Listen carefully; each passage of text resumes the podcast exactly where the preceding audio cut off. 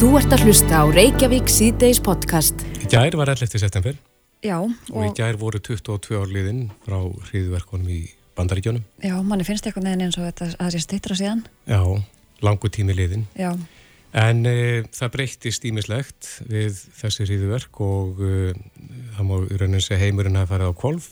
já, breytt heimsmynd, algjörlega og hérna bara ný ógn og það þetta aðlaga flugvelli að þessari nýju ógn Já, og þar á meðal hvernig við uh, förum í gegnum öryggisleit nú til dags.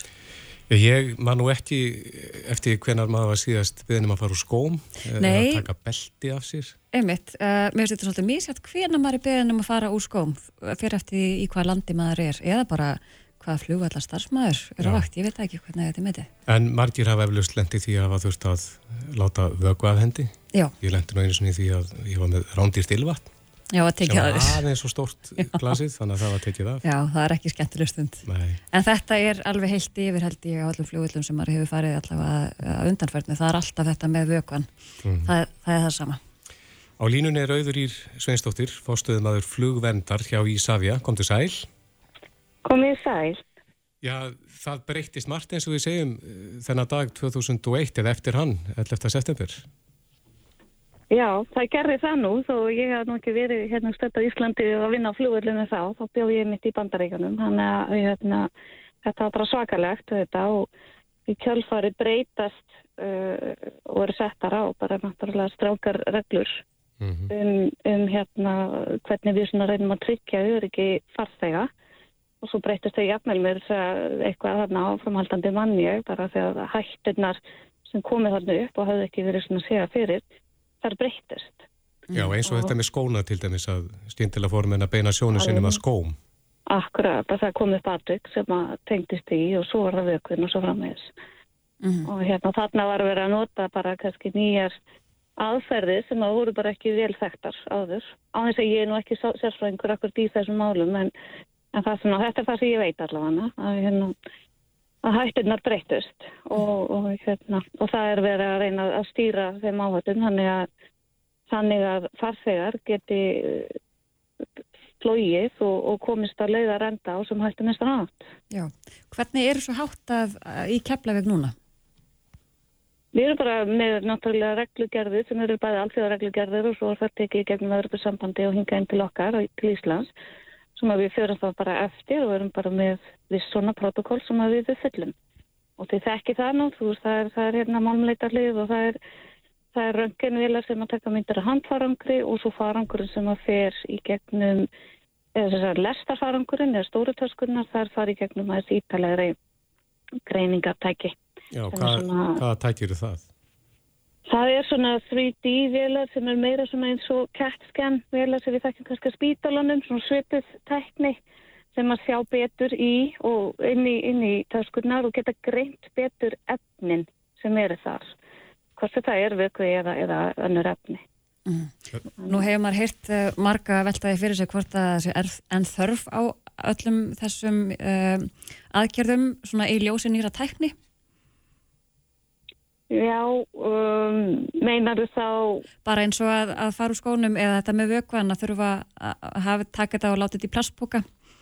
já, sko það er komið ný tækni sem að einhverjir svona stærri flugurlum hafa innlegt nú þegar og við sjáum það, í- það er Helsingi, Amsterdam, München og, og fleiri flugurlir sem að eru komna með þessa nýju tækni sem er sama tæknin og er notuð í lastafarangrunum sem ég var útskýra og hérna þetta er tækni sem er bara á leiðinni og, og við erum að skoða það náttúrulega og erum þess að komin að stæði rauninu svona viss að búin að greina okkar þarfir og við erum að fara að staði í einhverjaferli og það mun breyta svolítið miklu sem þetta er svona þægindi fyrir farþegan þetta.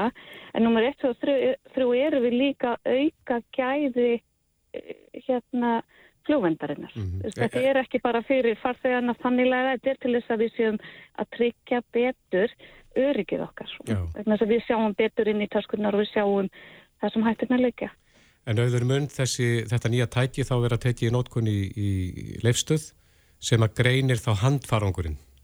Já, það er svona framtíðar músikin er að það verður þetta bara í, í staðin fyrir þessar röngunvélar, er þetta aðeins öðru sér vélar starri og þá myndir handfarangur fara þar í gegn. Og þá um leið er þetta greina betur vögvan og, og þá er ekki eins mikil þörf á því að, að hérna, halda ánum í svona, í svona litlu magni eins og erum eins og gestur í dag út um allan heim náttúrulega sem þessi áþæri notu og, hérna, og þá er óþarf að opna töskunar þess að velinn sjálf eða greiningartækninni velinni getur lesið Já. það sem er inn í töskunum Þannig að, þannig að þá má fara vantalega með stærri ílátt í gegn. Já, ég held Og- það. og meiri er ekki vökva. alveg, já, ég er ekki samt alveg með það á 100% hvað, hvað eru margir millilítrar eins og leis eða hérna, en ég sé það bara sjálf þegar ég er að ferðast og ég fer á þessa flugvill og, og er að skoða þessa tekni þar og að það sjáu við það, að það eru að leifa það. Er, er mikið að vökva tekin af, af fólki sem sagt í leifstöði í dag? Þetta er náttúrulega alls konar vökvi, þetta getur verið sólavörn og ilmvatn og rakspýri og Já, já. Það drykkir? er bara með, já, það er sko, við erum náttúrulega með svona stöðvararna bæði þegar maður kemur upp stigan, það er þetta að hella á sér á tveimur stöðum, svo erum við með þess að koma með svona, hérna, svona vaska alveg upp við línurnar, þannig að fólk getur líka held úr það, þannig að þau eru kannski með sín eigin ílát og við fyrir ekki að láta þau að hendi, mjög gott að geta gert það, en við erum, það er, alveg, það er fullt tekið af, það eru bara margir svarti plastbókar dag sem eru teknir af alls konar, ekki bara vöka, líka bara af, af alls konar öðrum hlutum sem er óheimilt að fara með inn í flugvöld og inn á flugvöldin. En uh, þetta nýja tæki, hvenar verður það tekið í gagnið? Þetta er svolítið stór, stór innlegging og hérna, við erum að fara að stað núna að, að, hérna, í yngöpaferli og, og sem að tekur alveg eitthvað tíma en við erum að horfa til ásins 2025 við séum að koma þanga. Og það mætti kannski geta þess líka hinn er stóru fljóðlinn sem ég var að nefna á þann og það eru fleiri sem hafa innleitt hérna innleitt hennan búnað og það er alveg, þetta er alveg, þetta eru mikla breytingar og það er ekki bara sett í gang og allt gengur óskum.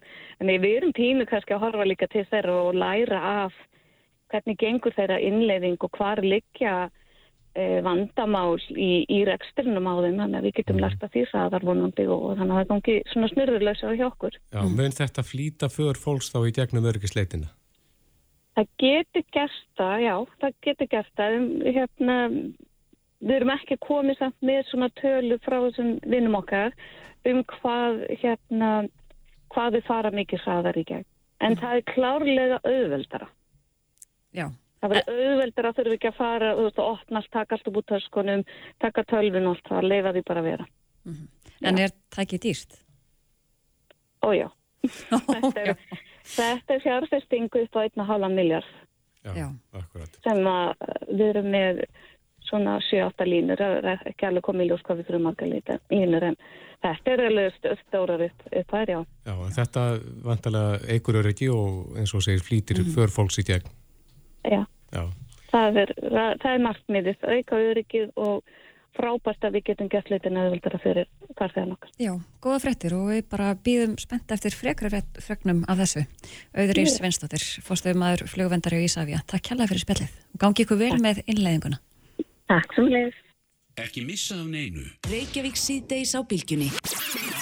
Leikur okkar aftur og bak er mættur aftur. Í september verður við í samvinni við hambúrgarabúlu Tómasar. Leikreglur eru einfaldar. Lagabútur verður með íslensku flytjanda en lægi verður á ýmsum tungumálum. En ég spyr, hvað heitir lægið og hvað heitir flytjandi? Fylgstu með hjá mér alla virka morgna frá 10 til 1 á bylgjunni og taktu þátt í leiknum aftur og bak og næltu í fjóra búluborgara. Hamborgari er alltaf gómsætur. Hvernig sem þú snýrð honum. Aftur og bak í september. Bylgjan og hambúrgarabúla Tómasar. Fjölbreytt rafbílaúrval frá sjö bílaframleðendum. Brimborg. Hvað vantar fyrir helgina? Þú finnur það öruglega á tilbóði í Netto. Ný helgartilbóð alla fymtudaga. Netto. Þakó, þakbára, þegar að fagleg vinnubrögð og bestu fáulegu efnin skipta þig máli. Þakó.is Gull léttöl kynir Nýdönsk Alelda í Eldborg 16. september og Hofi 7. oktober. Auka tónleikar klukkan 9 komnir í sölu á tix.is Nýdönsk. Alelda. Þískir dagar hjá okkur í september. Glæsilegar vörur á tilbúðsverði. Umbóðsmenn um landallt. Smit og Norrland. Sminor.is Þú farið kjúb rafhjólinn í TRI Vestlun. Suðurlandsbraut 32 108 Reykjavík tri.is 30% afsláttur af öllum reyban sólglerugum. Optical Studio. Haustdagar í Ylva. 20% afsláttur af allri smáveru og öllum sófum. Gerum kósi fyrir veturinn. Sjáumst í næstu Ylva-verslun. Gerum heimili klátt fyrir haustið. 30% afsláttur af völdum flísum. Bíkó. Heyrnar þjónusta í alfara leið. Heyrn. Hlýðasmára 19 Kópói. Heyrn.is Nýr smart pöls. Fjórhjóladrifin alrafmagnaður og djarfur. Vertu öðruvísi. Vertu smart. Þú ert að hlusta á Reykjavík C-Days podcast. Frábært lag. Já. Bræði var nú að minna okkur á það að þetta veri 30 ára gammal lag. Nei, þetta get ekki verið. Nei, nú bregður einhverjum í brúnu að heyra þetta. Hann er öruglega að ljúa. Herru, en þetta er stór dagur í dag uh, þegar kemur að þingi. Já, allt ekki sett í dag. Já. Og uh, fjárlega frumvarpið var kynnt í morgun, snemmi í morgun. Akkurat, uh, frettir hafa bara komið inn hver á eftir annari með hérna ímislegt sem er í frumvarpinu. Mhm. Uh, þar má meðal annars nefna að áfengis og tóbaksgjöld hækka, persónaafsláttur og þrepamörk hækka sömu leiðis, gert ráð fyrir aukinni gjaldtöku á rafbílum, gistináttaskattur á skemmtifæraskip í fyrsta sinn og svo stöðugildum fækkar, uh, stöðugildum ofinbæra starfsmannum en eitthvað fækka. Já. Nú til að ræða þess þing veturinn og uh, tala um fjárlega frumvarpið og hvernig það lítur út uh, er eigum við vona á segmiði Davíð Gunnlaugssoni hér eftir skamastund, formanni miðflóksins. Þingsætinga fundi laug nú bara klukkan fjögur þannig að hann rauk af honum og, og hérna, er í umferðinni núna. Við erum hann um að fara varlega. en á línunni uh, talar frá Stokkólmi Bryndís Haraldsdóttir, þingmaður sjálfstæðisflóksins. Komdu sæl. Sælverði. Já, þú hefur vantilega fylgst með gangi mála og félögum þínum við þingsetningu í dag. Jú, jú, ég er búin að vera í beinni og fylgjast með kynningun fjármálaráð þeirra og, og fjárlögunum þetta og svona reyna að fylgjast með því hvað fórsetin var að, að segja við okkur og, og biskupinn því að Mhm. þetta er alltaf hátileg stund þegar þingi sett og það er alltaf mjög gaman að taka þátt í þessu þannig að það er smá söknur að geta ekki verið á svæðinu. Já. En ef við byrjum á fjárlega frumvarpinu sem að fjármálaráð þeirra kynnti í morgun, hver eru svona stóru tíðindin í því að þínum mati? Já, nú er þetta aðeins kannski öðruvísi en oft hefur verið áður uh, að við erum auðvitað að ræða ríkisfjármálinn allt árið. Vegna þess að nú erum við komin með svona miklu betra utanumhalda sem við erum með fjármálaáallunna og rættum hana í vor. Það sem er kannski góðu fréttirnar er að afkomi batin er miklu, miklu betri en við vorum til að mynda bara á þetta þá. Þannig að við erum í rauninni viðsnúningurinn eh, hvað hérna, skulda hlutfall ríkisins varðar er miklu jákvæðara. En áfram er auðvitað þessi mantra sem að skiptir öllu máli að ríki þarf að vinna áfram gegn verðbólguþrýstingi. Það er auðvitað það sem skiptir heimilinn og fyrirtækinn landinu mestu máli að við náum tökum á verðbólgunni. Og þess vegna eru við að auka aðhaldið í útgjöldum, það þýðir auðvitað að ráðherrarnir okkar þurfa að forgangsaða verkefninu sínum. Það, hérna, við bara verðum að forgangsaða það sem að skiptir mestu máli og þeir myndust nú aðeins á þarna fjölda ofnbæra starfsmanna sem hefur verið tölverst til umræðu og það er ljóst að það, það mun eitthvað fækka í þeirra röðum. Það hefur svo, svo sem verið ljóst í eitthvað tíma að við, við munum leggja áherslu á það að, að hérna, hæðræða í ríkisrekstri og lækka þannig launakostnað en líka annan rekstrakostnað og þá eru þetta hagkvæmi í innkaupum, ferðakostnaðurinn, nú stafræna þjónustan sem við erum búin að hérna, tala svo mikið um og erum fann að sjá svo mikið árangur af. Þannig að þetta er allt svona hagræðinga þættirnir en á sama tíma þetta stöndum við vörðum grunnþjónustun okkar. Heilbreyðismálin eru og verða áfram stæðsti hluti af því sem að við erum að nota skatt fyrir í því að ég held að það sé mikil einingum það í samfélaginu að við viljum standa á bakvið gott og öflugt heilbreyðiskerfi svo auðvitað greiðslur til þeirra sem að minna mega sín. Er þetta fullkomið frumvarpa þínum mati? Er ekkert sem vantar hana? Ég ætla nú ekki að segja ég sé búin að lesa það allt. Ég, ég er bara svona búin að hérna, glukka í, í, í hérna gögnin en þetta er auðvitað bara í samræmi við þennan ramma sem við höfum gefið okkur í fjármála áallunni og ég hefði vilja sjá okkur ganga lengra þegar við vorum að ákveða fjármála áallunna í, í aukinni hægræðingu. Þannig ég er auðvitað sklöð að sjá núna að skulda hlutföllin okkar eru mjög betri en bara byrtust okkur þegar við vorum að ræða hérna, fjármála átlun í vor. Mm -hmm. Þannig að þessi afkomi batu og þessi viðsnúningur er að ganga hraðar eftir.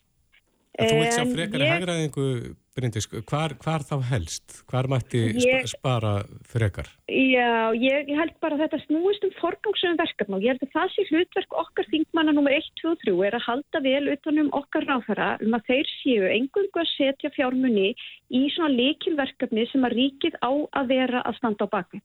Og þá eru við ekki að tala um sko heilbriðstjónustun eða mentakerfið okkar eða eða stuðning til e, þeirra sem minna mega sem í samfélaginu. Þannig að það verður held ég líkil aðrið hjá okkur e, þingmönnum og ég vona að það verður ekki bara í stjórnunni, heldur líki stjórnaranstöðinni, bara að tryggja það að, að, að hérna, ráðaröfnir og þetta fórstöðum að ríkistofna fylgi þeim lögum sem við munum vonandi samþykja núna fyrir jól, þar að segja þessum fjárlögum sem lög voru fram.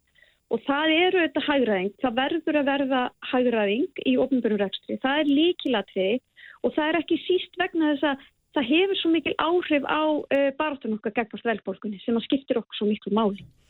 Og nú eru við þetta heimilin í landinu farin að koma aðeins úr þessu kannski vaksta skjóli sem þau hafa verið með, að þú hefur verið með lániðin í, í, á hérna vöxtum til okkurst tíma.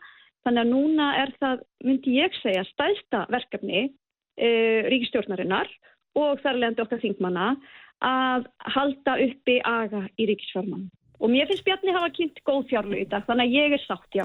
Já, og uh, frá þessum orðum Sigmundur Davíð Gunnlaugsson formaði miðflokksins var að lappa inn í stúdjó, komin uh, af þingsætningar fundi, verður velkomin. Takk fyrir. Kanski náður ekki öllu í bílnum á leiðinni? Nei, við staðins af. Já, en hvernig uh, líst þér á uh, þetta hérna, fjárlega frumvarp? Þetta fjárlega frumvarp uh, slær enn og aftur fyrir með þessari ríkistjórnar í ríkisútgjöldum og hún er náttúrulega eh, búin að vera methafi hvað það var þar lengi.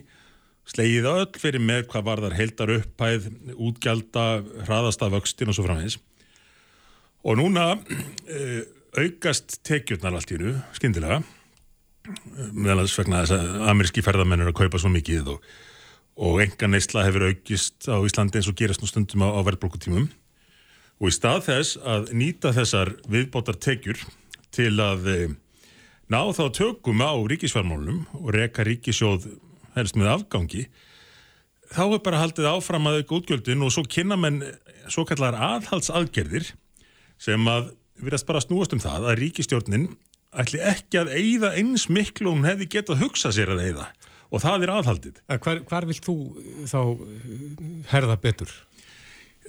Það eru þetta mörgsvið þar sem að þarf að, að draga saman að því að þau hafa þannig svo mikið út á undarfærnum árum. Við hefum nú áður rætt hérna um báknið. Mm -hmm. En uh, ríkistofnin vísar oft í, í að það var svo mikið í heilbreyðismálinu. Og það er rétt. Heilbreyðismálun eru mjög dýr. Og kostnaðurinn við málaflokkin í rauntölum uh, verðbólgu leiðrétt hefur aukist alveg gífurlega í tíð þessari ríkistofnar. En hvað höfum við fengið fyrir það? Og þá rifjastu upp það sem að uh, fyrirverandi landlæknir sagði einu sunni að þú getur endalust bætt peningum í helbriðskerfið uh. -huh. en ef þú lagar ekki kerfið sjálft þá gerir það ekkit gagn. Það getur jafnvel verið til tjóms.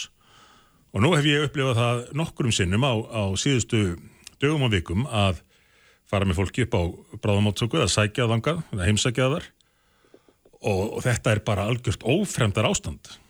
Starfsfólkið þetta vil vill alltaf mjög vel og, og vinsamlegt en, en kerfið er bara gjörsamlega sprungið og bygglistar allstaðar sem að bara lengjast og lengjast mm. og það, þetta gerist... Það er að tala um manneklu sem að valdi því. Já, menn, menn eh, leita íminsa skýringa á því en samt held að það er áfram sko, að, að auka kostnæðin við þetta, útgjöldin hafa aukið hann um, um þriðjung bara í tíð þessari ríkistjórnar á þess að fá neitt fyrir að því verðist hvorki starfsfólkni annað og eh, En hvað viltu stýra meira niður? Það finnst mér að þurfa að vera eh, líkilatri í þessu þegar að verða að eða svona óhemju miklum penningum eins og þessi ríkistjórn eðir, hvað fá menn fyrir það? Hvernig er hægt að fjárfesta og hafkamari hátt og fá meira fyrir minna? Mm -hmm. Það hefur ekki verið hugað því og í staðin er, er bara haldið áfram hérna að að bæta í og, og kynntir þessi 17 miljardar í sparnað einaferðininn og hvað er það? Já, það eru hæri gjöld og skattar og svo enn eina ferðina, opnu vinnurýmin, uh, rafrænar lausnir, hagkamari innkaup, það vantar bara að bæti við strömlínulagaður ríkisrekstur, einhvað svona. Þetta er allt einhvern veginn bara, uh, það, það, það er ekki hönd á neitt festandi í þessu nema hvað þau eða peningum. Fyrst er þetta bara gömul tugga sem þú eru hýrt áður? Já, eins og þessi 17 miljardar sko, þetta er í þriðaskipti sem þau kynna það og ef við lítum á einstaka hluti úr þessum 17 miljardum þá er búið að kynna þá líklega fjórum eða fimm sinnum. Það fyrir að minna á hérna COVID-aðgerðina sem alltaf verið að koma með sama sumi kynningun aftur og aftur. Bryndís, við heyrum það að hann er ekki að prifina þessu frumvarp eins og þú. Nei, nei, þetta er alveg gömul mantra. Ég hef búin að heyra þetta allótt frá Sigmundi Daví og þetta hefur verið hans mantra þegar við hefum verið að kynna fjárlög eða, eða fjármála áallanir. En ég held að þegar Sigmundi Daví lesi í gegnum þetta þá áttar hann sig á því að hér eru bara góð fjárlög og miða við þá aðstöð sem við erum í að þá séum við að sína fram á raunhævar aðgerðir sem eru til þess ætlaðar að ná betri tökum á ríkisfjármálunum. Og Sigmundi Daví nefndi hérna sérstaklega heilbreyðskerfi sem ég rætti mitt um áðan að það er held ég mikil stuðningu við þátt í samfélaginu að stór hluti af okkar skattekjum fari ymmit í þetta opbóstlega mikilvæga grunnkerfi og ég er algjörlega samfærið um það uh, að það sé einhverju leiti rétt hjá sumundu dagi að við getum náð fram meiri hálfkvæmi í því kerfi en við meðum aldrei gleyma því að við búum við eitt af bestu heilbreyðskerfum í heimi. En það er sprungið.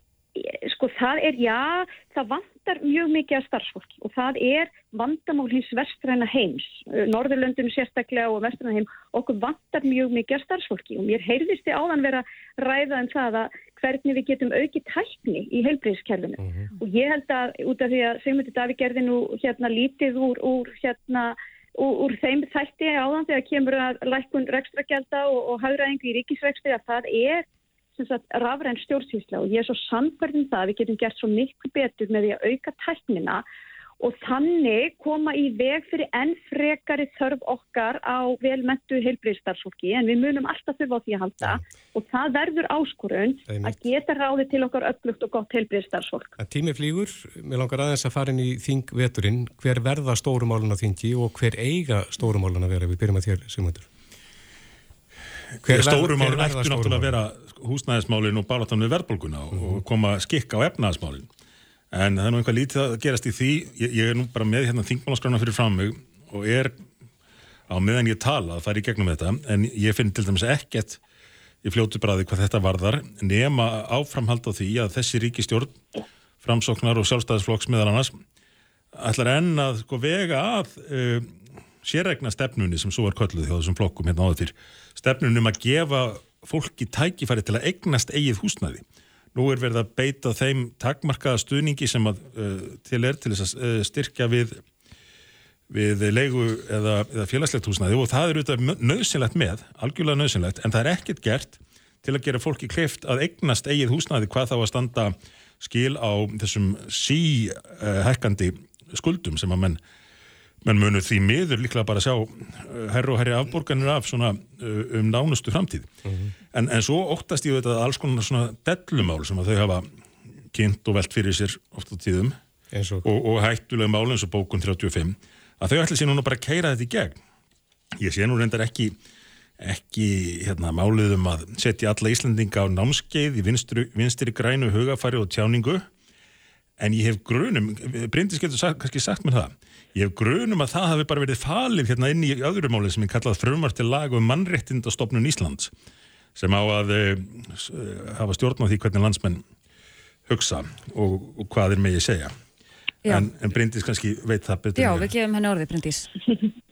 Heyrðu, ég get tekið undir það eins og ég sagði að hann að stóra máli held ég að séu efnaðsmál. Það er svona það sem að mun brenna okkur í verður og ég held að þessi fjárlög séu mjög góð, hérna, gott skref inn í, inn í það og þar munum við þurfa, ég og Sigmundur Davíð, að vera með gott uh, eftirlit með okkar ráðarum um að halda sig innan þessa ramma og, og, og stuðla þannig að uh, öflugum og góðum ríkisfjármálu sem styðja við við það við náum niður verðbólkunni. Eh, ég veit ekki hvað segmyndur er að vísa í þannig og ég ætla að gefa mig betri tíma í að fara yfir hérna máláfnaskrána og, og taka það inn í, inn í minni nefnd þar sem að þar ber undir. En ég, hef, ég menna, ég held að það séu efnaðsmálinn. Útlendingamálinn hafa verið mikið til umræðu og hafa verið inn, inn í um, nefndinni hjá mér, allsir og mentamál nefnd og verða það öruglega áfram. Munu þau vega þungt í umræðinni vetur? Já, ég veit ekki, ég sé að ráð þeirra er með einhver mál þar að lútandi og, og við munum takast á þau eins og okkur tókst svo vel á síðasta þingi að klára það mál. En ég ætla að bæta við að ég er líka býð spennt eftir því að sjá meira að koma frá mentamálaráðaranum því að þetta er jú allsærjar og mentamálanemnd og ég sé að hann er með nokkuð máladagskrá og og allsir og mentamálunemnd mun svolítið byrja, byrja þennan vetur á því að setja sér svolítið inn í mentamálinn því að það er málaflokkur sem skiptir okkur svo miklu máli til framtíðar og það er ljóst að Íslensk, eh, hefur ofinbera á Íslandi er að leggja mjög mikið til grunnskólans en því miður þá erum við ekki að sjá þann árangur sem við myndum vilja sjá. Þannig að það eru rosalega sóknafæri Samú í helbriðskerfinu Akkurat, bæði menta og helbriðsmálin eru bara í verunum vanda. Kerfið er ekki að virka saman hversu miklum eh, penningum er varðið í það og hversu mikið ekst ár frá ári. En útlendingamálin eh, ef ekki verður tekið á þeim á þessu þingi þá gerist það bara aldrei, þá er það bara á seint því að það er algjörlega búið að missa tökjun á þessu og það bara vindur upp á sig. Það verður til þessi keðjuverkun sem engin tilbyrður hafa verið til þess að grípa henni ég sé reyndar að gertir að fyrir einu máli frá dómsmálar á þeirra en uh, heitið segi nú lítið um uh, hvert innihaldi verði. Frumar til lagum breytingalögum um útlendinga. Alþjóðli vernd uh, heitir þetta. En líklega er þarna fyrst og fremst um að ræða þessi áformum flóttamannabúðir fyrir fólk sem er búið að færi gegnum allt ferlið í þrjú ár, fá alla þjónustu lögfræði aðstóð, uh, greiðslur og svo framvegis húsnaði og reynist ekki eiga rétt á hæli. Þá kom upp þessi hugmynd núna um uh, hvað var að kallað loka búsetu úrræði. Þannig að sveitafélagin þurfu ekki að sjá um þetta. Uh, en það er e ekkert gert til þess að taka á, á rótvandans þannig að það þau úrræði sem við höfum, þau tækifæri sem við höfum til að hjálpa fólki, nýtist til að hjálpa þeim sem er í mestri neyð og sem flestum þeirra. Það er verið að leifa stórkonslega misnótkun kervisins og viðbröðu stjórnvalda hafa bara ítt undir það. Já, ég verði náttúrulega að vera ósamóla segmyndi Davíð þessu að þau útlendingalög sem við afgriðtum á síðastu þingi voru ymmit að koma í veg fyrir það sem hann nefnir hér misnótun á kerfi. Við notum þá orðið strömlínulaga því ég veit að það er ekki uppáhaldsorð segmynda Davíð en það var svolítið það sem vorum að gera með lögunum þá. Við vorum að tryggja það að þeir sem að koma til Íslands í raunverulegri þörf fyrir alþjóðlega verð fáið hana hratt og öruglega en aðrir séu ekki að hanga inn í kerfinu lengi og þetta er algjörst grundvallar atvið til að geta staðið undir flótamannarsamlingi saminuð þjóna.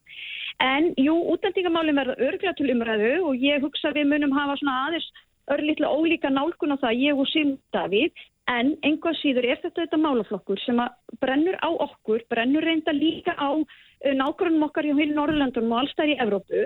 Og ég hef marg sagt það, ég vil gerðna að við lærum af okkar góðu frændum hér á Norrlandunum, lærum bæði þar sem þau hafa gert vel í þessum málaflokki og yfirlega það, en lærum líka mistökum vera og endur tökum ekki þeirra mistök.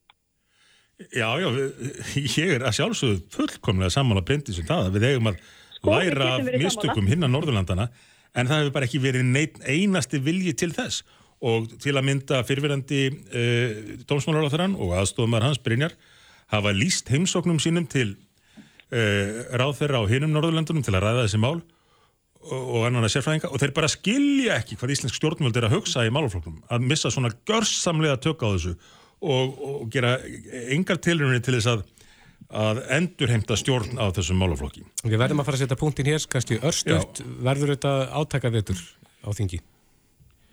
Já, fyrstu viðböður já, hugsanlega því að ég er svo pyrraður að koma hérna úr umferðin í Reykjavík. Ég er alveg búin að fá nóga þessari borgastjórn, hvað þá ríkistjórninni að nefnstæða þarf maður að fá útrás. En, eh, en umferðina eins og annað er hægt að leysa eh, menn nálgast hlutina einhverju skinnsemi og fara að skoða innihaldið. En bæði í umferðamálunum og, og málunum ríkistjóðunar þá er þetta allt búið að vera spurningum umbúðir og nú kemur fjármálaráðunum fram og segir við þurfum að endur skoða þennan samgöngusáttmála og þessa borgarlínu, mm. viti bara til hver verður niðurstaðan Gerfið bara heldur áfram að sinni braut ef ekkert e, greipið inn í. Bryndis, rétt í lókin, átaka vettur framöndan.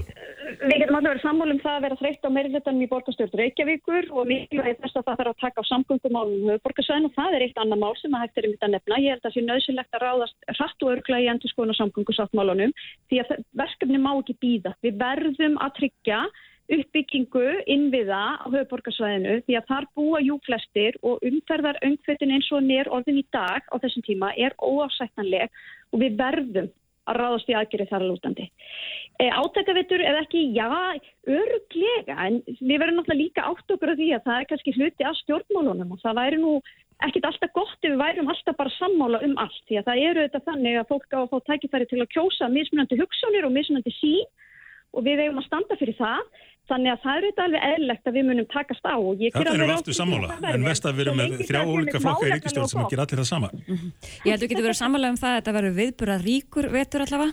Bryndís Haraldsdóttir, Þingmaður sjálfstæðarsflokks og Sigmundur Davíð Gunnlaugsson, formaður miðflokksins. Takk hérlega fyrir. Takk fyrir. Þetta er Reykjavík C-Days podcast. Jæja, Reykjavík C-Days heldur áfram. Við ætlum að þess að snú okkur að heilbyrðismálum. Já, skipnast það eins og inn í framtíðina og velta fyrir okkur mögulegur þróun í heilbrist þjónust á Íslandi. Já, Davíð og Arnar, yfirleikni hjartadeildar á landsbytalanum, held erindi á alþjóðlegri rástefnum hjartavend á dögunum, þar sem að uh, rætt var meðal annars um sóknartækifæri þegar það kemur að heilbyrðismálum og Davíð er komin hingað, velkomin. Já, takk fyrir. Uh, erum við uh, á einhvern tímamátu núna þegar það kemur að tækni og, hvernig við getum nýtt okkur tæknina? Það er mannekla í heilbyrðiskerfinu? Já, við erum alveg klárlega tímamótum og, og, og, og það er helst í hendur bæði sko frambóð af gríðarlega áhugaverðri nýri tækni mm -hmm. og á sama tíma þá uh, fjölgar sjúklingum, öldurum er að fjölga, fólki með langvinna sjúkdómar að fjölga, en starfsfólki fjölgar ekki í takt við sjúklingana. Þannig að við þurfum klárlega að horfa á hlutina á aðeins annan hátt og ég held að, að í því félist ákveðin, ákveðin tækifærið að nýta ímiskonar tækni betur en um leið jafnvel bæta þjónustuna. Mm. Og skortur á starfsfólki, þetta er ekkit Íslandst vandamál, sér Íslandst vandamál? Nei, það er það ekki, alls ekki og hérna við sjáum þetta í nágrannlandunum að, að það er skortur á heilbrið starfsfólki og, og það er kannski helst daldið í hendur við það að, að, að um, stórir árgangar sem að fætust eftir stríð, þeir eru núna að ná 65-70 ára aldri og er að koma sér upp sjúkdómum og þannig að sjúklingum í raun er að fjölga. Mm -hmm. En hvernig er kerfið í dag? Hefur það breyst mikið undanförnu? Er það frekar íhaldsamt? Sko, heilbyrðiskerfið hefur verið frekar íhaldsamt og, og, og hérna svona eiginlega litlar breytingar verið gerðar í hvernig við, við í raun nálgumst viðfáðsefni þar og, og hérna vissulega er alltaf svona smá framfarir og framfarir í meðferð og greining og þess áttar en, en okkur skortið aldrei að, að skoða upp og nýtt svona hvernig við nálgunst það í heldina að, að fylgjast með sjúklingum og, og, og veita um þjónustu e, komi vekk fyrir sjúkdóma, nýta erða upplýsingar betur og svo framvegis. Þannig að það er fullt af hluti sem við heitum gert mm -hmm. sem eru öðru í sig og gætu á mínum mati e, þegar fram í sækir bara eld kerfið frekar en, frekar en hitt. Mm -hmm. Þú talar um spennandi tækni Eh, getur nefnt okkur dæmi um það? Hvað? Já, það mann kannski svona í grófundráttum skipta því í þrenn. Það er hérna, í fyrsta lagi er það framfæri erðatekni, mm -hmm.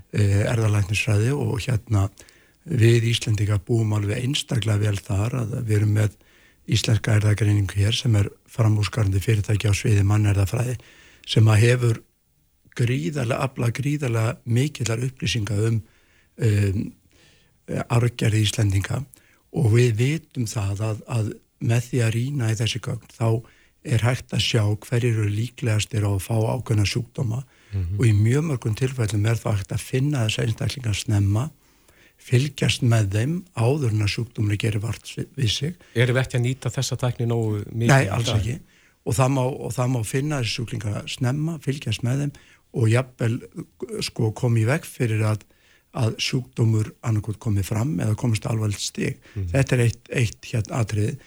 Annað atrið er aukin nýting á stafrætni tækni í helbæðistjónustu. Við erum með fyrirtæki þar sem að hefur skarað fram úr, Sidekick Health sem að um, við höfum unnit aldrei með á hjartið landsbytarnans og þar eru að þróa tvennslasnálgun, annars verður það sem við göllum fjárvöktun þar sem við fylgjumst með sjúklingum, eru bara með það við eftirliti í gegnum uh, smáfórið og hins vegar bjóðu við þar upp á uh, nálgun sem er, er mjög heilsueflandi þar sem við erum með lífstílkveitjandi myndbönd, skilabóð og annað þess áttar sem ég held að gæti komið mjög stert inn í framtíðinni vegna þess að lífstílsjúkdómarinn er, er að verða mjög algengir og svo maður kannski segja að þriði atriði þessari tæknibilgju er auki nótkun á gerfikreind sem að getur nýst mjög vel við ákveðna þætti helbæðistjónastunur. Hvað er þetta þá? Já, til dæmis í mínu fæi þá, þá er gerfikreind uh, er, er mjög áhugaverða niðurstöður varðandi uh, nótkun gerfikreindar til að lesa hjartalínuristæki og hjartalínuristæki og, og í hverju hjartalínur eru mörg uh, þúsund gagnapunktar. Mm -hmm. en sko augað nefnur ekki nema brota brota því.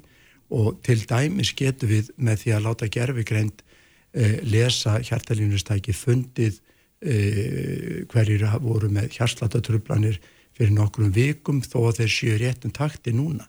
Og svona breytingar eða svona möguleikar eru alveg gríðalega áhugaverðir Er, er gerfigreindin að ríða sér til rúms í? Sko, hún er, hún er að byrja og þetta eru hluti sem að hérna, hafa verið í þróun og, og, og þetta er tekið aldrei tíma en þetta er kannski komið svona alveg í breyða notkun en, en, en möguleikarnir eru mjög áhagður. Serðu fyrir að gerfugreindin stingju upp á meðferðarúræðin? Já, hún gæti gert það í framtíðinni og ég held að, hérna, ég held að sko gerfugreindin getur miklu frekar sko búið upp á meðferðar möguleika sem að sko aðstórð og helbriði starfsmanni við að ákveða hvað er best fyrir hvernig við sjúkling. Mm -hmm. mm. Þú nefndir Sidekick Health appið á þann og eftirlit, hvernig fer það eftirlit fram? Sko það eftirlit fer þannig fram að, að í gegnum uh, smá fóritið að þá spyrjum við kannski 5-7 leikil spurninga um uh, sem eru sniðnar að ákveðinu sjúkdómum við höfum til dæmis verið að gera rannsóknir með, með hjá sjúklingum með hjartabiln og svo kransaðasjúkdóm og um, við þetta blandast síðan uh, upplýsingar um, um, um lífsmörk, blóðþristing, púls, vikt og svo framvegis. Mm -hmm. Þetta er síðan, un, það er unnið úr þessu með algoritmi eða algrými sem að gefur okkur ákveðna neðustöður og miða við sko grunn ástand sjúklingsins að þá fáum við síðan á, á skjáborð fyrir fram að nafnsjúklinsins e, punkt sem er annarkund græn, guðlur eða rauður. Græn því að ástand er alveg stöðugt og það þarf ekkert sérstaklega að bregast við. Guld getur þýtt að þessu smávæli frávik og það þarf ekki að sé að vakta þennan einstaklinga þess betur. Raukt því er alvarleg frávik og þá höfum við í þessum rannsóttum haft strax samband við sjúklinga og fengið þú til okkar snemma. Og kosturum við svona er að, að ólíkt því að, að fá sjúklinga til sín á kannski 3-6 mánuða fresti eins og oft tíðkast í eftirldi, þá getur fylst með þeim daglega, vikulega bara eftir eðli sjúkdómsins, fundið vestnun jafnvel snemma og fengi sjúklinga til þín og brúðist við vestnun á snemstegum þannig að þetta leiði ekki til þess að þeir séu heima kannski nokkra daga hægt og rólega vestnandi, enda bara ámáttöku og síðan kemur kannski laung einlögn í kjálfarið. Þannig í þessu felast alveg óbúslega áhaverður möguleika fyrst mér. Já, og öruglega mikil öryggist tilfinning fyrir sjúklingin? Já, flesti sjúklingar hafa verið mjög ánæðið með þetta og, og, og það sem að hefur komið okkur skemmtilega orð er að, að í þessum rannsótt sem við gert að þá eru yfir 80% sem að koma inn í rannsóttuna sem að halda áfram í rannsóttni við hefum búist við að það er miklu meira um afföll að því fólk kannski gefst upp á tækninni en það verður alls ekki verið svo og, og jafnvel þó að þetta séu sjúklingar sem eru margi hverjir nokkur rosknir og það hefur komið skemmtilega orð sem leðis að, að roski fólk uh, er ekki síður áhuga samt um þetta og, og tekur þessu mjög vel. Á tækninni? Já. Já. En uh, talandum tæknina, það eru margir sem að nýta sér svona lífstílstæti eins og Apple úrin sem að taka jafnvel hjartalínuritt. Er þú sem læknir farin að nýta þér gögn úr þessum tækjum? Já sko, ég fæ oft sendt uh, hjartalínuritt frá sjúklingum með mitt sem eru með, með svona tækni og, og, mm -hmm. og hún er mjög áhugaverð og, og ég held að um, sko alls konar söpnun á heilbreyðis upplýsingum í uh, snjallúr eða, eða sím eða annað er mjög áhugaverð.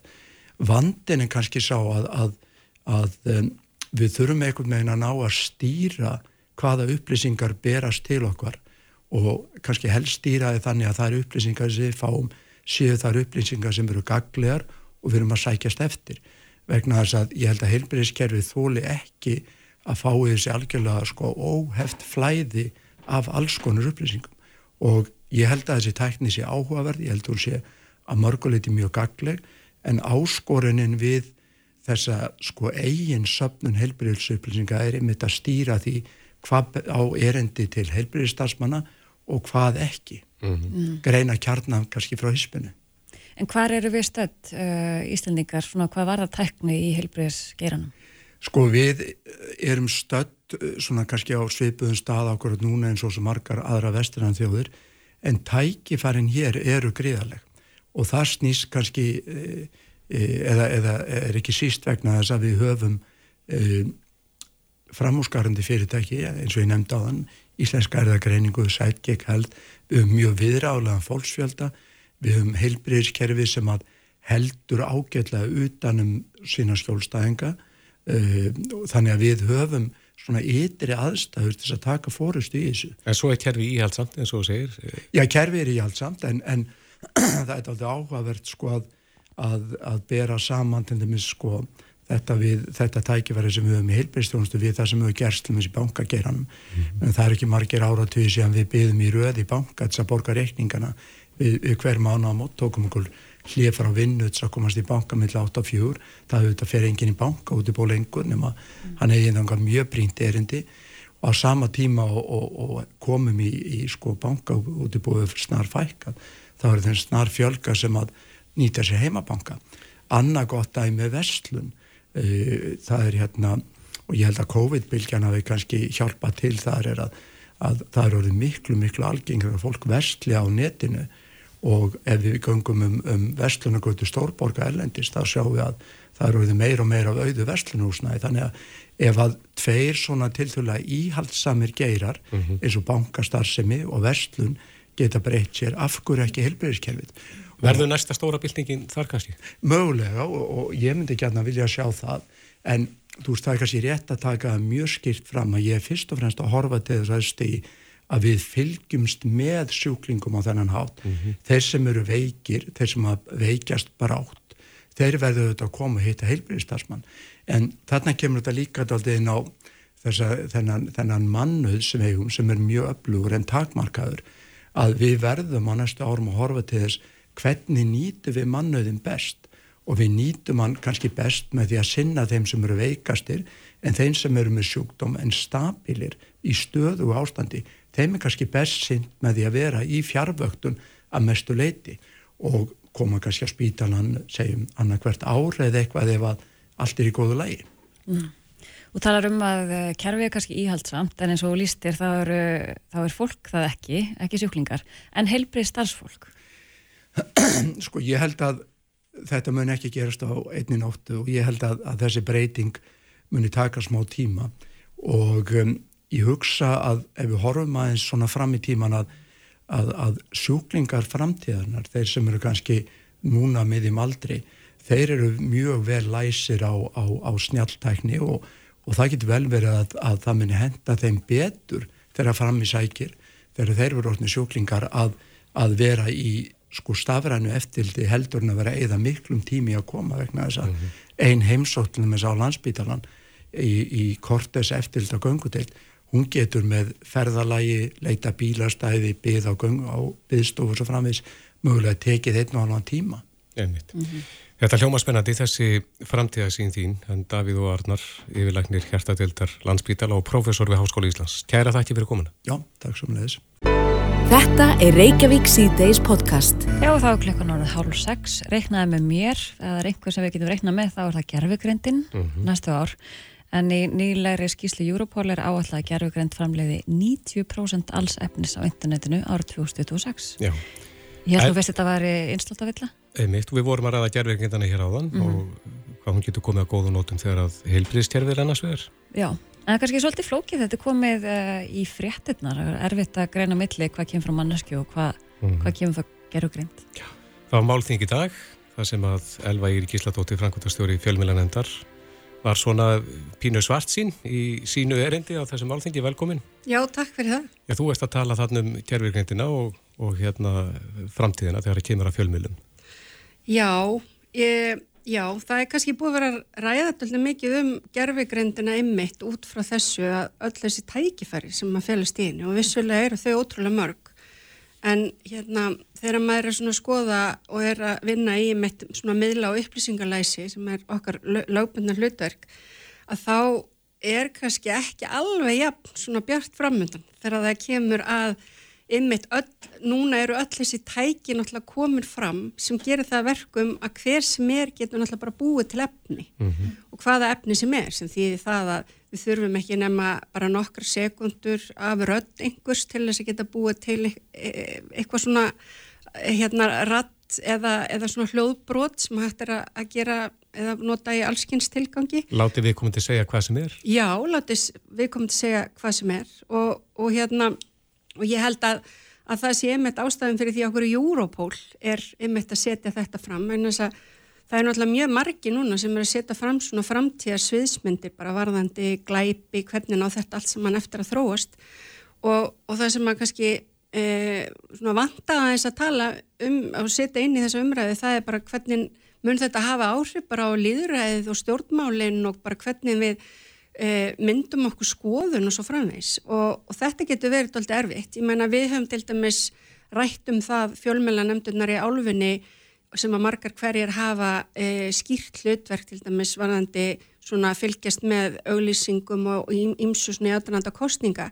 Hvað gerist til dæmis ef að, ef að það fer svona djúbfölsunar myndband bara rétt fyrir kostningar af stað í líðræðisríki og þú vannast að það getur náttúrulega tekið tíma að vinda ofan af, af slíku. Mm -hmm. Og slíkt er nú bara að raungerast?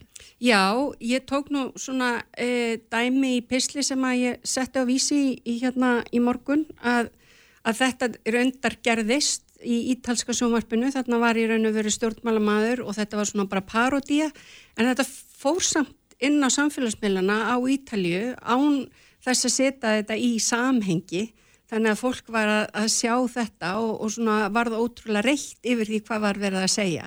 Þannig, þó, og það tók tíma að vinda eins ofan að því þó að það hefði gengið. En, en maður getur svona spurt að leikslokum ef að þetta er kannski bara 24 tímum fyrir kjördag. Mm -hmm. Mm -hmm. En er eitthvað svona komið í umferð á Íslandi? E, sko, gerfigrindin náttúrulega er að e, þróast alveg ótrúlega hratt og ég held bara að ef við erum svona bara inn á samfélagsmiðlanu þá erum við farin að sjá fullt að efni sem er svona gerfigrind, sem að gerfigrind hefur búið til. Þannig að við erum svona núna bara í, í svona frumbönsku gerfigrindarinnar, ef maður getur orðað þannig, að hérna að horfa á upphafið með að við það hvað við sjáum núna ef að, ef að þessi skýrsla Europol hérna, ef að það verður uh, reyndin, að þetta verður bara eftir þrjú ár, að þetta er orðið 90% og þá getur maður líka bara velt því fyrir sig þú veist, hvers konar efni er þetta? Veist, þetta er ekki bara uh, katta og hundar vídeo þið vitið, mm. eða, eða þú veist eitthvað svona bara sem að fólk er að gera að ganni sínu heldur, þú veist, þetta er náttúrulega verður líka tækni sem að sem að glæpahópar er eftir að nota, sem að stjórnvöld í öðrum rík, óvinnveittum ríkjum er að nota og svo framvegis. Og það er náttúrulega aðferðafræði sem er nú þegar verða að nota til dæmis gegn Vesturlöndum núna og kallast fjölþótt á oknir að, að svona reyna að hafa áhrif og stíga inn í hér svona líðræðislega samtal með allskynns upplýsingu óreiðu og ég menna að það er búið að herja núna til dæmis á Svíþjóð og Finnland eh, vegna NATO umsókna þeirra en með sko gerfigreind þegar þetta eru svona auðvelt þá náttúrulega er ekkert mál. Í raun og veru bara að fylla sko almannarímið af allskynns upplýsingum. Mm -hmm. og ég held að kannski það sem að maður eh, skiptir mál að taka svolítið út úr þessu það er það að um, við erum nú þegar orðin svolítið þreytt. Og við til dæmis vorum að hérna, e, vorum með rannsók sem við erum að fara að byrta úr núna e, bara á næstu dögum og þar til dæmis kemur fram að helmingur landsmann að halda sér upplýstum án þess að fylgjast með fréttum. Já, hvernig fæði fólk að því? Já, ég menna það er kannski bara svona skrólar samfélagsmiðlana, les bara hérna fyrirsagnir, hérna, he heyrir það sem er verið að tala um á kaffistofunni og svo, ég menna það er til allskins leiðir til þess en, en sko e, hérna, ef að þetta er staðan áður en að þetta er orðið 90% af öllu efn og internetinu og við erum ekki eins og byrjuð í langklaupinu, það er ekki eins og búið að flauta hérna, þú veist, á stað hvernig ætlum við þá, þú veist, hvernig verður þá þessi svona þrautsegja að í raun og veru fylgjast með og, og taka eftir og taka þátt í þessari líðræðis umræðu þegar að þegar það er orðið svona ofbáslega mikið ef að maður svona slettir næs mm -hmm. bara svona það, það verður svo ofsalega mikið af efni sem við bara e, veitum ekkert hvað við erum að gera við En er, er eitthvað sem almenningu getur gert í dag? Er, er eitthvað tólið að tæki fyrir okkur til þess að greina milli falsfrétta og síðan áræðanlegra frétta? Sko, það eitt af því sem er kannski svolítið erfitt einmitt varðandi djúbfalsanirnar, hvort sem að það eru myndir, myndbrot eða hljóðbrot, er það að það sem að hérna, e, ég hef geta bent ykkur á kannski fyrir tveimum mánum síðan takið nú eftir þessu og þessu. Það er hérna, e, hérna það er kannski ekki alveg veist, eins hérna e, kannski ermannar eða e, handastæðan er eitthvað hálskrítin eða eitthvað svo leis veist, þetta bara breytist sko viku frá viku og verður alltaf betra og betra Þannig að, e, og það er kannski líka þetta sem að skipti máli í þessar umræðu og það er það að við erum alltaf svo vön því að við myndum okkur skoðun út frá því hvað við sjáum og heyrum og það sem að við, e, og, og við erum svona, svona höfum treyst í raun og veru skilningavitum okkar. Mm. Og þá kemur nefnilega náttúrulega þessi spurning, hvað verður þá þegar við hættum að geta treyst skilningavitum okkar? Og hérna... Þá vorum við að fara að tala um líðræðið. Já, ég menna það, það ymmit vegna þess að á sama tíma og, og, hérna, og það er hægt að, að náttúrulega framleiða alls konar svona bara uppspunna og legar, þú veist, þá getur líka komið efni sem er sannarlega rétt en þá er líka hægt að segja já, nei, þetta gerist ekki neitt, nei. skiljið, þú veist, þannig að, að það er enginn sem að veit hvað rauðan trúið lengur. Mm. Þú ert nýkomin af málfengi um með mitt falsfrettur og stjórnmál eftir sannleikans. Já. Uh, mjög vel mætt, fólk eru áhuga á þessu gríðarlega velmætt og það var þannig bandarskur profesor sem að var einmitt að, að tala um þetta á málþinginu uh, og hann hefur einmitt verið að skrifa um þetta og, og var svona að setja fram svona þessa, þessa hérna, hugmyndi sínar eða hvernig hann sér þetta.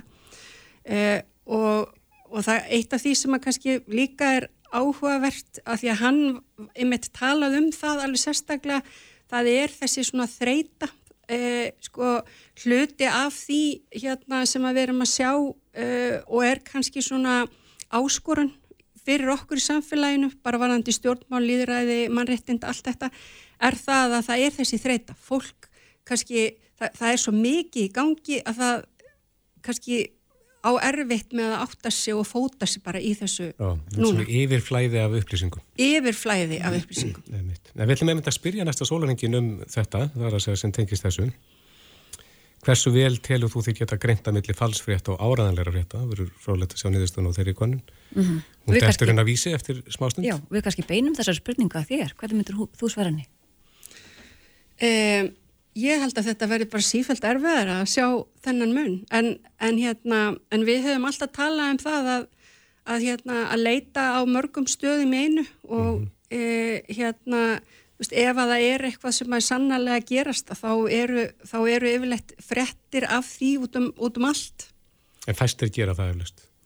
Já, þannig erum við líka komið hennar tíma. Mm -hmm. Hvað hefur maður mikinn tíma? En þetta er náttúrulega eitt af þessu og, og svo náttúrulega skipta bara faglegir fjölmilar þar sem að fjölmila fólk, blad og frettamann er að vinna þessa vinnu fyrir okkur. Mm -hmm. Það má alls ekki gleyma því að þeir eru kannski mikilvægari núna heldur en, heldur en oft áður. Akkurat. Mm -hmm. Elva Írkísladóttir, frangværtastjóri fjölmila nefndar. Kæra þakki fyrir komina. Takk fyrir. Reykjavík síðdeis á Bilginni podcast. Ég lærði nýtt orð um daginn Já. sem ég laði sinna vísi.is. Mm -hmm. Gjör unnin matvæli. Veistu það, ég lærði það bara líka þá. Já. Aldrei heyrst þetta aður. Nei, en hvað, um hvað er rætt það? Maður hefur heyrt um unnin matvæli, mm -hmm. en gjör unnin, það er kannski, já, spurning, hvað er það? Já, í þessari frétt var ætt við uh, heitísi Snoradóttur, næringafræðing og eiganda Endur Næringar sem er komið til okkar, velkomin. Já, takk kærlega fyrir að hérna byrja mér. Hvað er uh, gjörunin matvæli? Sko, gjörunin matvæli eða svona ultraprocessed food mm -hmm. er bara mikið unnin matvæli í rauninni. Þannig að gjörunin, veist, já, veist, ultra ofurunnin eða hvað sem hefði kalla, þetta er bara svona next level svolítið Þannig að mér finnst best að muna bara að þetta er kannski matvæla sem ég hefði ekki fundið uh, í skapnum heima hjá amma afa því ég var lítil. Getur nefnt okkur dæmi um svoleiðis matvæli? Veist, það væri, í, það er bara svona eins og mörg prótinsteki.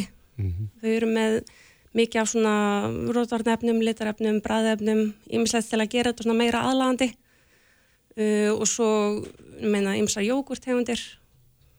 Um, það bara veist, það er hellingu sko. Sem að franskar, jú, eitthvað morgukvart líka flokkast mm. þetta.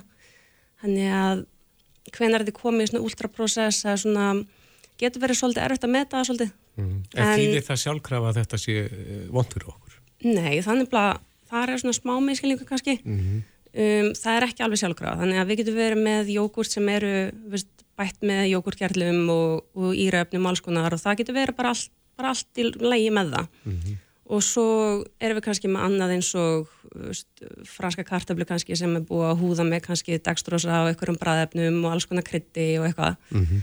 og þegar þetta komur svolítið langt frá upprunninum að þá getur við fara kannski að hugsa ok, þú veist er þetta kannski svolítið unni fyrir líkamann hvernig, hvernig myndi að fara í meldinguna og hvernig stendur þetta með mér En hvernig getur við skilja þetta á milli? Mér finnst fínt að horfa í rauninni vöfugt á þetta í staðan fyrir að reyna að finna út í hvað eru þessi mikið unni matvæli. Bara, veist, hvað ef ég horfi á matinn hversu lengi er ég áttum á þessu?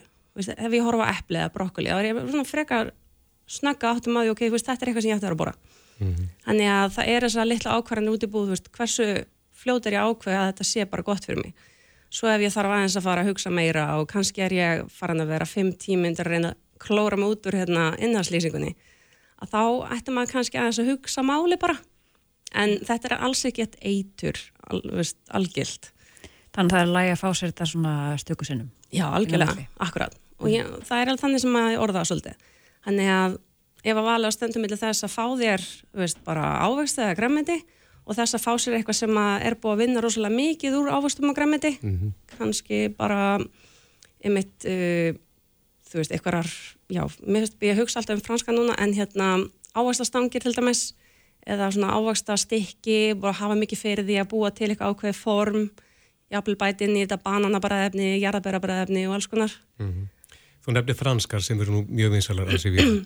Er munur á franskum? Er, er frans, fransk ekki það sama á fransk? Mm, já, ég fór hans að skoða þetta því að mér finnst ótrúlega þægilegt að geta leita bara í franskar, mm -hmm. eiga franskar inn í ískap og svona. Þannig að fínt að hugsa bara, veist, kíkja aftan á, er þetta 97% franskar og svo bara ólja. Þá er ekki búin að bæta við þetta krytti en eins og leðis. Mm -hmm. en, hérna, en svo kíkjum ára hérna franskan og þá er kannski búin að bæta við alls konar kryttum og ég mitt hérna, búða húðar jafnvel með svo kalluðu dextrósa sem er bara tegund af sigru og þá ferða að hafa kannski aðeins verri áhrif á meldingunni hjá okkur og þeir sem eru viðkvæmi fyrir kannski ættu þá frekar að velja hína tegunduna mm -hmm. sem er bara einmitt kannski tvær, þrjár innast tegundir mm -hmm. Hvað veit ég að margir er eftir að opna fristinsinn, þannig að margir segja mig með svona frostnar kartablur mm -hmm. Les, lesa á umbúðunar Já, já, já En þetta getur alveg verið frumskoður, ég skil alveg að fólk hugsa bara hérna, ó mei, þú veist, þar ég þá fara að taka allt bara út um matræðinu mínu, ég mm. bara, má ég aldrei borða prótistekki, má ég aldrei borða hennan unna mat alveg. Já, það er ekki verið að tala um það. Það er ekki alveg þannig. En hvað með ávegst, geta þeir verið eh, unnir líka, eins og bara eppli? Um, eða er, er eppli sem við erum að borða, eru þau bara týnda trénu og send til okkar eða er búið að gera eitthvað við þau áður þannig að þau endist lengur? Veist, almennt sé að þá er ekkert búið að gera við þessi vennilega eppla sem er verið með út í búð annað en kannski veist, bæta við kannski einhverju svona vaksúð kannski mm -hmm. sem að hjálpa þá til bara við endingar gildið. Er, er vaksúðin ekki slæm fyrir okkur? Ekki sangand matala fræðingum, þá ja. er ekki, ekkit svakalega slæm fyrir okkur en, en það er samt alltaf mælt með því að skóla þetta ávegst og græmiti hvernig sem það er áður en maður færið hendunar því maður veit aldrei hvað skýtuð puttar er kannski búin að vera snertið á leðinni mm -hmm. eða og hérna þannig en mér finnst líka fint að hugsa um eins og matvarla vinsla, hún er alls ekkert slæm hún hefur hjálpað okkur að koma í veg fyrir alls konar bakterjusíkingar og hérna, vinna mátalinn þannig að þau séu örug fyrir okkur þannig að uh, það má ekki líta þannig að öll unnin matvæli séu eitthvað slæm Mm. En þegar við talum svona um, mjög unnin matfæli, mm -hmm. er, er þetta eitthvað, fer þetta ver í börn en fullorna? Um, það, ég meina, þetta er bara spurningum hversu oft þetta gerist raunni á, á dag, í, í viku og finn líka að hugsa bara, veist, er, fyrir, veist, er þetta komið staðin fyrir kannski alvöru máltið? Þannig að uh, ef ég er farin að borða einmitt þessa maturur í hver einustu máltið, kannski borða fjórsum á dag og það er bara svona matur, bara matar líki í rauninni en ekki alvöru matur, að þá getur það fara að koma fram í eitthvað svona meldingar úþægndum, mögulega aukinu uppþembu eða eitthvað svo les. Mm -hmm. um, en fyrir ekki að svara ekki alveg hérna með börnin en, en þau eru auðvitað við kamuru fyrir alls konar svona heldur en fullari fólk. Þau eru með hérna óþróskaðari meldingaveg heldur en fullarnir. Já. En nú ert þú með næringaráðgjöf. Eru mm. margir íslendingar sem eru engungu að neyta svona eða bara þessa matvala í stórum hluta? Í, í grunninn til, og þú veist, það getur verið erfitt að segja sko, en í grunninn til eru mjög margir að bara borða svona áferðinni svolítið, kannski milli hátegis og kvöldmatar, jafnvel í morgunmat og þá eru svolítið að treysta þetta að því að þessi matvali eru svona skyndibita matvæli svolítið. Þau eru mjög, mjög þægilegt að vinna með þau, þarf jafnvel bara að hella með skál, setja smá mjölk og þá er bara komið móltið og svo getur þau bara að fara út í daginn, þarf kannski bara að taka fimm minnir í þetta. En hérna, en svo eins og segi, grípa með sér eitthvað og þannig, veist, svona, þetta er alveg svona skyndi matur svolítið. Mm -hmm. Þú nefndir áðan uh, e-efnin eða rótvaldarefnin. Mm -hmm. Er það að vesta, ef að kíkja eftir þeim kannski í nummer 1, 2 og 3 þegar við erum að spá í óhaldlustu? Mm, nei, það er ekki algjört. Ég meina, salt og sigur er rótardarefni um, og það getur bara verið tekið fram að, að hérna sé bara einhver annu tegun þá af einhverjum svona rótardarefnum þarf ekkert endilega að vera slæm fyrir okkur. Mm -hmm. Þannig að, og hérna, það er, það er fínt bara að, veist, þegar innhaldsefnir komin yfir kannski 5-6 eitthvað svo leiðis, mm -hmm. þá mhm. fara kannski að hugsa málið og bara svona, er ég alveg að skilja hvað er í þessu veist, hvað er, veist, eins og með taldanski skingur og þannig að þá skoða ég kannski kjötinni haldið hversu há prósenda er af kjöti í skingunni minni Hvað vilt að prósenda sé há? Sko það er náttúrulega bara hérna, vel oftast að sé kannski svona 98% þó ég reyndar persónulega bor ekki droslega mikið að skingu en mér finnst það fint dæmi mm -hmm. að það er mjög 98% 80% skingu að þegar maður fer að skoða það þá er meira það þarf að koma eitthvað í staðin fyrir þetta sem að látt kjötið hald mm. semst er ekki að bæta fyrir Ef við strykum aðeins undir þá er, er ekki alls slæmt þó að matvæli séu ekki úr unnin? Nei, en bara fókus svolítið á veist, hvernig setja mín eftir þessi matvæli mm -hmm. og hvernig stendur þetta með mér inn í daginn ef ég fljóðlega orðin svöng svangur aftur að þá ætti ég líklega að fara að skoða eitthvað aðra samsetningu í máltíðin hjá mér Já, mm -hmm. er þetta ekki bara fín loka orð? Ég held að Eitís Snoradóttir, næringafræðingur og eigandi endurnæringar. Kæra þakki fyrir kominu. Já, takk fyrir kjalla. Hlustaðu hvena sem er á Reykjavík C-Days podcast. Þing kemur saman í dag, alveg þingi íslendinga, eftir sumarleifi og uh, það kennur ímsa grasa þar af málunum. En eitt er mál hérna sem hefur leið á borðin hjá okkur í nokkur tíma, en það er beðinni nokkur á þingmanna fyrir ekki svo margt löngu að eh, helbyrðisraðanitið láti kanna viðhorf fagstjetta og, og, og bara almennt viðhorf til dánar aðstofar. Ingrid Kúlmann þekkir þessa e, þekkir þetta hugtak og, og hvað það þýðir. Dánar aðstof e, í þínu heimalandi Ingrid. Við tölum saman fyrir 20 árum. Þá varst þú að tala um dánar aðstof sem e, virkan og sjálfsæðan hlut ef ákveðin skilir eru uppfyllt Já, það passar. Eh, þessi lög um dánarastóð tóku gild í Hollandi 2002 og pappi minn fekk dánarastóð sama ár eða 11 dögum eftir að lögin tóku gildi. Þannig að það kom einn góð reynsla og þetta er alltaf samkvæmt mjög ströngum skilirðum þannig að það er mjög mikilvægt að fólk viti það þetta er ekki bara að leita til læknis og dæn eftir þá farðu aðstóð mm -hmm. heldur þarft að uppfylla það til að missa verið með góða domgreind, þú þarft að vera kvalinn sem sagt, uh, það er talað um óbærilega þjáningar uh, það þarf líka vera ljós að það er ekkert meira hægt að gera fyrir þig og svo er óháður læknir sem að vitjar einstaklingsins og svo er þetta líka skoðað eftir á sem sagt þetta fer til nefndar sem skoðar hvort að farið hafa verið að, lögum í einu og öllu. Mm -hmm. Hvað eru við stödd í þessu? Það er komið reyfing á þetta mál og, og þessi, þetta rapport frá, frá helbriðsraðundinu sínir eh, viðhorsbreytingu til dæmis fagfólks. Já, það er eiginlega mikil viðþórsbreyting því að við vitum í raun, við vissum mjög lítið um uh, afstöðu heilbriðstarfsmanna. Það voru til tvær kannanir frá 95 og frá 2010 og 2010 þá voru 18% lækna sem hafðu jákvæmt viðþór til dánarastóður og 20% hjókunafræðinga.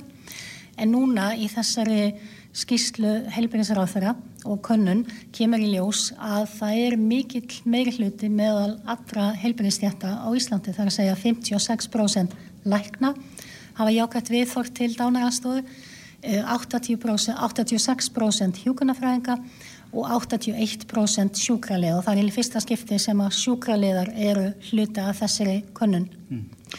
Hér eru eitthvað, einhver viðhórsbreyting átt sér stað svona heilt yfir Eh, hvað með almenning? Almenningur, við höfum reglulega kannad afstöðu almennings uh, hjá okkar félagi mm. sem heitir Lífsverðing, félagum dánarastóð. Við vorum reynda að vera siðmend með kunnun 2015 og við gerðum síðan kunnun bæði 2019 og, og 2022 og stuðningurinn er yfirlegt svona í kringum 76% meðal almennings. Mm. Í þessari kunnun helbæriðsráþara er nákvæmlega samantala, það er tæp 76% almennings sem að mm. stiðja dánarastóð. Ef maður talar út frá einn sjónarhóli þá kemur alltaf þessi spurningu upp um, hver tekur ákvörðun ef að um er að ræða mannesku sem að er, er sopnuð mm -hmm. en þó lífandi mm -hmm. sannanlega um, getur það ekki verið hvað segir maður erfitt að, að taka þá ákvörðun sem, sem aðstandandi það er grönt á sektakendinni getur maður ímynda sér Já, já, og þetta er náttúrulega eitthvað sem fólk hefur staðið fram með því líka álega burt sér frá dánarástóð mm. en það er þannig í lögunum að þú þart að vera með góða dóngreind eins og ég nefndi þannig að þegar þú til dæmis með heilabilun. Og það er ekki lengur hægt að treysta þinni dómgænt, þá getur þú ekki fengið dánaraðstöð til dæmis í Hollandi. Þannig að er, þú þarft að vera með ráð og ræna hins vegar eru lönd eins og Kanada að taka upp sagt, upplýst samþykki fyrirfram samþykki þegar þú ert búin að fylla út lífsvilja skrá að þá er hægt að verða við óskum þínum. En þetta þarf þá að vera nýlat plagg. Þetta er ekki eitthvað sem þú fyllir út þegar þú er 26 ára og svo þegar þú komið með heila bílum 56 ára eða 86 ára mm. að þá gildir það ekki lengur. Þannig að mm. þetta er alltaf og þetta er einlega ástæði fyrir því að fólk fyrir ekki til Hollands til að fá dánaraðstóð af því að þar er skilirði líka að þú sett í góðum tengslum við þinn heimlisleikni. Mm og það vektu þetta ekki þegar þú býr hérlendist þannig að eina landið sem að uh, útlendingar hafa farið til það er til dæmis uh, Íslendingur sem hafa farið til Sviss til að fá dánarast og það er eiginlega bara Sviss sem að tekur á móti fólki. Og þetta er mikið umræðin í Breitlandi núna því að þeir segja að það sé verið að útsása eða úthýsa dánarastóð við látum bara Sviss sjá um þetta því í Breitlandi er þetta ekki heldur uh, löglegt Þannig að fólk fer til Svist. Það er um 56 einstaklingar á ári sem mm. fara frá Breitlandi til Svist til að fá dánarastóð. Mm. Menningarsjúkdómar í, í setni tíð þeir hafa, þeim hefur fjölgað ef ég, ég er nú bara eins og maðurinn á göttunni, mm. ma maður skinnjar það og ímsir ímsir kvillar og, og, og, og sem að uh, hrjá okkar hugsun og við, ég gerir á fyrir að það sé þáttur í því að, að menn er að sjá þessar eh, tölur um eh, fjölgun starfsfólks í helbriðisgeranum sem er, er þessu telur alveg sjálfsagt að, að þessi leið sé til staðar? Dánarastöf og við tölum alltaf um dánarastöf sem valkost. Þetta er mannúlegu valkostur mm. sem er ekki fyrir alla En við sjáum til dæmis ef við skoðum tölutnar að þeir sem að byggjum dánarastóð eru yfirleitt kappamennsjúklingar eða um 86% fólk með hjarta og æðasjúkdóma, fólk með taugasjúkdóma. Mm -hmm. Það eru örfá tilfelli eins og við erum að tala um heilabilun og, og fleira mm -hmm. sem að, að, að það sem fólk byggjum um dánarastóð. Þannig að þetta eru stærstu hópatnir en ég held að aukningin og kannski þessi viðhórsbreyting sem við erum að sjá sé líka vegna þess að það er meira talað um sjálfs ákvöðunarétt og það er svolítið það sem þetta snýst um að hafa val, að geta að hafa frelsi til að velja mm. þín lífslokk mm. Já uh, flókið mál er það og, og, og, og þú hefur verið að tala jöfnum höndum við fólk um, um þetta mál ég minn skust í 20 ár sem ég talaði því síðast Ingrid en, en e, finnur það á fólki að það er meiri skilningur á þessu út í samfélaginu? Við finnum það alveg klálega þegar við erum að byrta greinar, við erum auðvitað líka með fundi við um, staði fyrir ráðstafnum og þá finnum maður að fólk er meira hugsa um þetta og sérstaklega fólk sem hefur kannski upplifað uh, erfitt sjókdómsferðli, fólk mm. sem hefur fyllt ástvinni gegnum erfitt ferðlið segir mm. oft við okkur nú skilja hvað þú ert að tala um og við erum náttúrulega á Íslandi með lífsloka meðferð mm. sem er svona þegar það er kannski stutt eftir mm. þá er fólk sett í lífsloka meðferð sem er yfirlegt bara e, slæfandi lif e, og líka e, bara allt vort og, og þurft tekið á manni og fólk telur það ekki vera mjög svona mannúlega leið til þess að, hérna, að deyja þannig að það er, mm. fólk kemur til okkar og segja ok, þessi valkostur ætti að vera í bóði fyrir þá sem það kjósa mm. Þetta liggur í loftunni eins og maður segir en e, e, það er, það er þing, alþingi í Íslandíka eða nokkru þingmenn sem að, sem að e, fóru fram á það við helbæðisálandi að þessi skýrsla kæmi út og, og hún sýnir það sart á hviti að, að þetta er, viðhorfið almennt er til þessara hluta er að breytast. E, já, öðruglegt er að tala við aftur um þetta. Þetta er fólki mjög, hvað segir maður, hver á einn hugsa sitt í þessum efnum og, og hérna þessuna á ég vona því að, að ég ánægulega fundi með þér um þetta, Ingrid Kullmann dánarastóð viðfáðsefni dagsins eh, og þú heldur áfram að, að, að funda með fólki. Ég gera það svo sannlega og við verðum einmitt með tvo viðburði núna á fundi fólksins sem er um helgina við Norrannahúsi þar sem við munum fá bæði stjókmálumenn en líka fulltrúa þessara heilbyrðistétta til að tala um dánarastóð. Yngrid Agnið vel. Takk fyrir kjalla. Reykjavík síðdeis á Bilginni podcast.